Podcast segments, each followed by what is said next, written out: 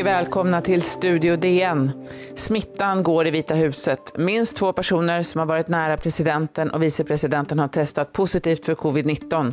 Men varken Donald Trump eller Mike Pence har för avsikt att isolera sig. Idag ska vi prata om varför de inte vill det.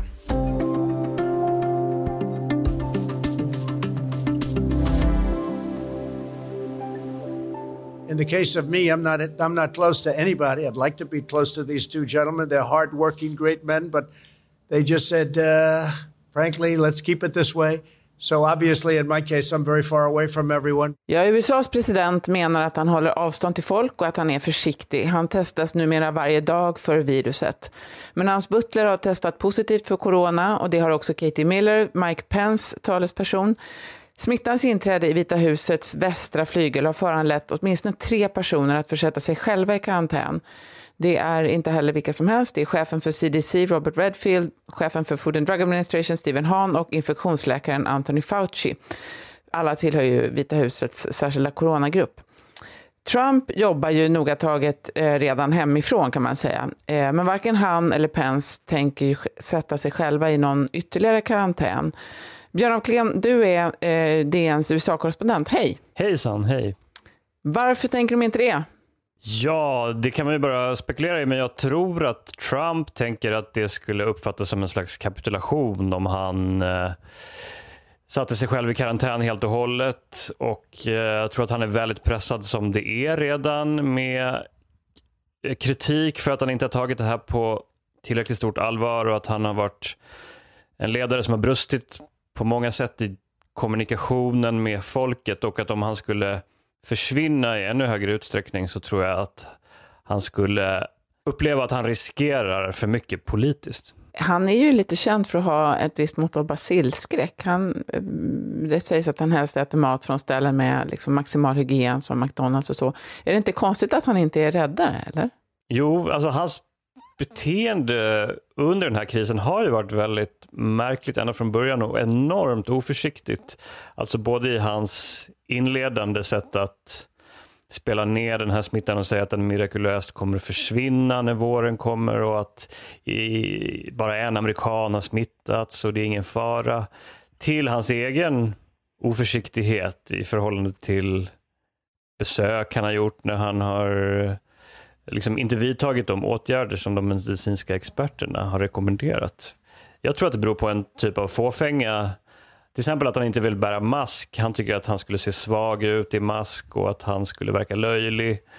Och han upplever sig helt enkelt starkare än viruset. Och det är ju de termer han också har lagt fram Vita husets politik. Att det här är ett krig som han driver mot det osynliga viruset, mot den osynliga fienden. Och han ska inte backa en millimeter i onödan. Kayleigh McEnany som är Vita husets pressekreterare, hon menar ju att presidenten är väldigt väl skyddad. We've taken every single precaution to protect the president. Um, the same guidelines that our experts have put in place. We clean the facility, we social distance, we keep people six feet away from one another. Um, so we've done every single thing that Dr. Birx and Dr. Fauci have asked us to do, and I can assure the American people that their commander in chief is protected. Men Vita huset är ju inte så stort. Det, det, om man får in en smitta där, det måste ju kunna spridas ganska snabbt. Hur har andra som jobbar där, hur har de reagerat? Det var ju en tjänsteman som sa i söndags på ett tv-program, en, en hög ekonomisk rådgivare som sa att han tyckte det var läskigt att gå till jobbet, vilket är ett ganska skarpt uttalande i Trumps regering där man har varit så noga med att påpeka att allt är säkert och allt ser ljust ut och det här är på väg att försvinna. Uppenbarligen upplever inte medarbetarna det på det sättet inne i Vita huset. De har ju också alla utom Trump och möjligen Pence har ju burit masker under de senaste offentliga framträdandena i Vita huset. Det fanns liksom bilder av Jared Kushner, presidentens svärson och rådgivare när han bar mask. Även den nya pressekreteraren bar mask. Eh, så det, det har de ju varit noga med att signalera inför det amerikanska folket att de tar det här på allvar. Men Trump har ju varit det undantaget hela tiden.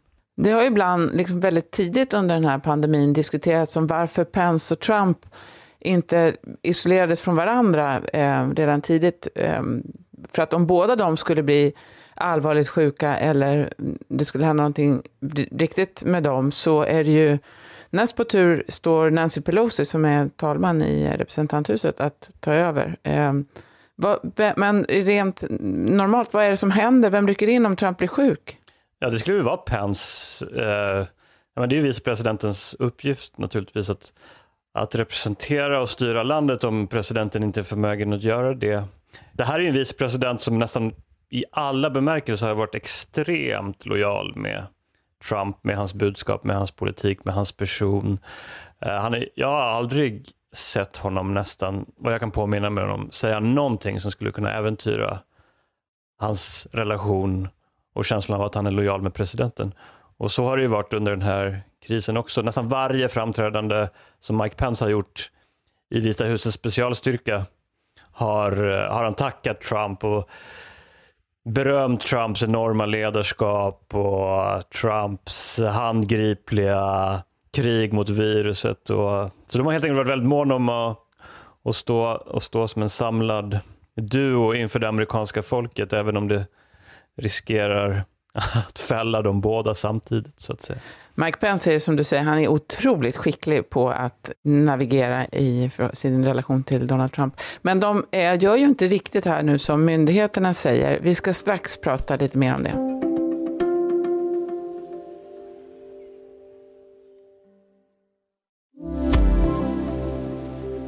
My concern is that we will start to see little spikes that might turn into outbreaks. So therefore I have been being very clear in my message to try to the best extent possible to go by the guidelines which have been very well thought out and very well delineated. Ja, det där var Anthony Fauci. Han kanske behövde en halstablett, jag vet inte. Han frågades ut i alla fall i ett av senatens utskott i tisdags eh, och fick svara på frågor från några senatorer som hade bandana och mask, en del hade ingenting. Eh, de satt ju då i en helt tom, eh, eller nästan tom i alla fall, så när som på dem själva, eh, kongressbyggnad. Eh, Anthony Fauci själv satt hemma hos sig i Bethesda, som är en ganska fashionabel förort till, till DC. Den här hela utfrågningen beskrevs ju som rent surrealistisk. Eh, vad var, ska man säga, kontentan efter, av den här utfrågningen? Varför kom den till, Björn? Ja, det är ett sätt då för de här senatorerna och som representerar olika delstater och, och folk där som är, bara i alla fall vissa, är frustrerade med de karantänsåtgärder och de restriktioner i näringsliv och i eh, skolor och i alla andra delar av deras liv som fortfarande är på plats i många delstater. De, de senatorerna vill uppenbarligen konfrontera eller ställa frågor direkt till Anthony Fauci bland annat då som är den liksom mest namnkunniga och ansiktet utåt på något sätt för läkarsamhället i Vita huset. Så, så de frågade honom varför eh, vad han, vad han har för strategi, varför, hur länge det ska ta innan man öppnar upp igen eh, och, och, varför USA ska följa hans råd nödvändigtvis hela tiden. Just det. Så de är liksom frustrerade med, de är frustrerade med, med han och den makt han trots allt utövar på presidenten. Men också tror jag att han, han har fått en position i USA där människor lyssnar på honom. Och det är fortfarande en majoritet också av republikanska väljare, så vitt man kan läsa av opinionsmätningar, som, som lyssnar på honom och som stödjer att fortsätta hålla restriktioner mot att öppna till exempel företag och arbetsplatser och skolor. Hur stark är den där spänningen mellan honom och presidenten skulle du säga? Jag tycker den verkar stark. Jag kan inte riktigt påminna mig om att ha sett en tjänsteman som har varit så nära Trump, både fysiskt liksom i Vita huset under de här presskonferenserna och liksom under direktsänd tv, men som uppenbarligen också sammanträder med honom dagligen och där Trump tvingas lyssna på honom, som har varit så självständig och relativt frispråkig i att avfärda myter som presidenten har reproducerat eller uppenbara felaktigheter. Och Det tycker jag man kunde se också under, den här, under det här förhöret när Mitt Romney, senatorn, den republikanska senatorn som ju är öppet kritisk mot Trump, han frågade Fauci till exempel om det är Obamas fel att det har tagit så lång tid att få fram ett vaccin. Och då svarade Fauci att det absolut inte är Obamas fel, eller för den delen Trumps fel heller. Men det är, det är någonting som Trump har gått ut och fått med sig många liksom, högerextrema opinionsbildare eller sociala medieanvändare och menar att det här är Obamas fel att vi befinner oss i den här situationen. Just Men det avfärdade han ju i väldigt explicita ordalag. Vita huset går ju någon slags balansgång här genom, gentemot att liksom inte utsätta folk för för stora risker men samtidigt så vill man pressa på ganska hårt för att öppna samhället igen. Och, eh, bakgrunden till det är väl i alla fall i ganska hög grad att ekonomin, eh, Trumps har hela tiden varit Trumps starkaste kort inför det här valet som kommer i november. Men jag undrar, man, eh, det är ju inte helt säkert att folk verkligen kommer att straffa Trump för ekonomin. De ser ju också att, eh, vad det är som händer. Det är väl kanske inte, det är inte självklart att han åker dit på det. Tror du det? Man kan se, jag såg en opinionsundersökning som visade att bland republikanska väljare så har man ändrat sig nu bara senaste dagarna eller senaste veckorna. Och man, eh, många var mer oroliga för ekonomin än för hälsan. Men det var ju just bland republikanska väljare, så att det, liksom den övervägande majoriteten tycker fortfarande att det, det är bra att ta det lugnt.